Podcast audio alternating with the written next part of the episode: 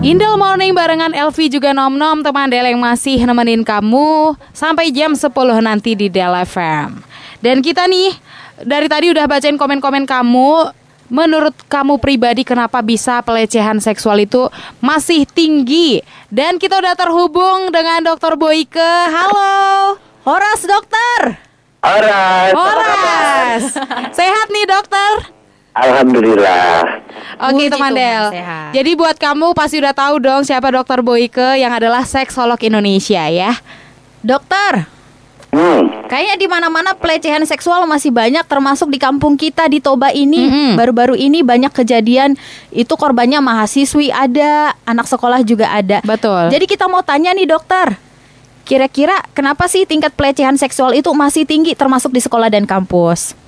Pada masyarakat yang belum mendapatkan pendidikan seks, pencerahan tentang seks yang baik, Hmm. itu sudah pasti bisa terjadi pelecehan seksual. Karena Iya. apa? Sebenarnya di dalam pendidikan seks itu kan diajarkan bahwa laki-laki harus menghormati wanita. Iya. bahwa laki-laki harus bertanggung jawab atas perbuatannya, Mm-mm. termasuk tidak boleh merendahkan wanita. Betul. Dan juga para wanita harus bisa melindungi dirinya. Kalau perlu ya si wanita itu juga kalau dia merasa dilecehkan, dia berteriak atau dia marah.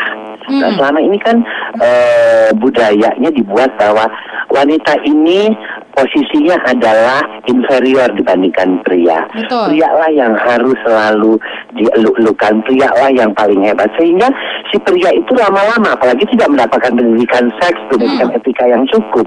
Akhirnya dia merasa bahwa dia itulah yang superior. Boleh dia mau melecehkan, mau megang kek, mau sweet-sweetin kek, mau apa. Nah seperti itu yang terjadi. Satu-satunya cara adalah sebenarnya mereka diberikan pendidikan seks dan pendidikan budi pekerti.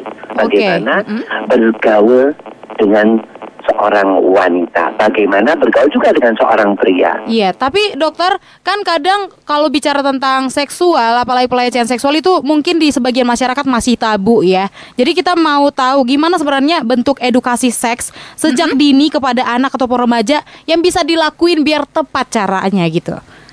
Jadi ganti judulnya. Hmm, Jadi apa nih dok Jangan judulnya? Bukan pendidikan seks, hmm, tapi gantilah dengan namanya pendidikan kesehatan reproduksi. oke.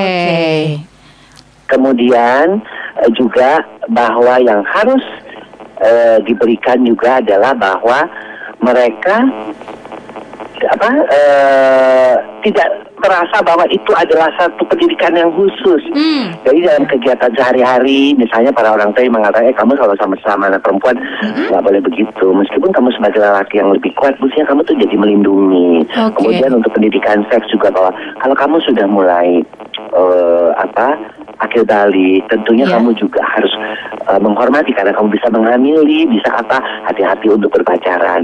Kamu mesti makin dekat kepada Tuhan. Hmm. Kemudian juga tiap hari kalau kamu beragama Kristen, ya kamu pergi ke gereja. Kalau kamu kalau sudah akhir balik juga, kalau kamu sudah ma- beragama eh, Muslim, ya kamu juga harus sholat yang rajin. Nah, Hmm. gabungan antara seks, budi pekerti dan agama akan membentuk menjadi manusia-manusia yang baik. Yang kalau dia merasa melecehkan Iya. eh, lawan jenis ataupun dia membuli Mm-mm. ya sesama jenisnya juga itu adalah ada perasaan bersalah, ada perasaan Iya. oh aku tuh berlaku yang tidak baik. Iya. Hmm.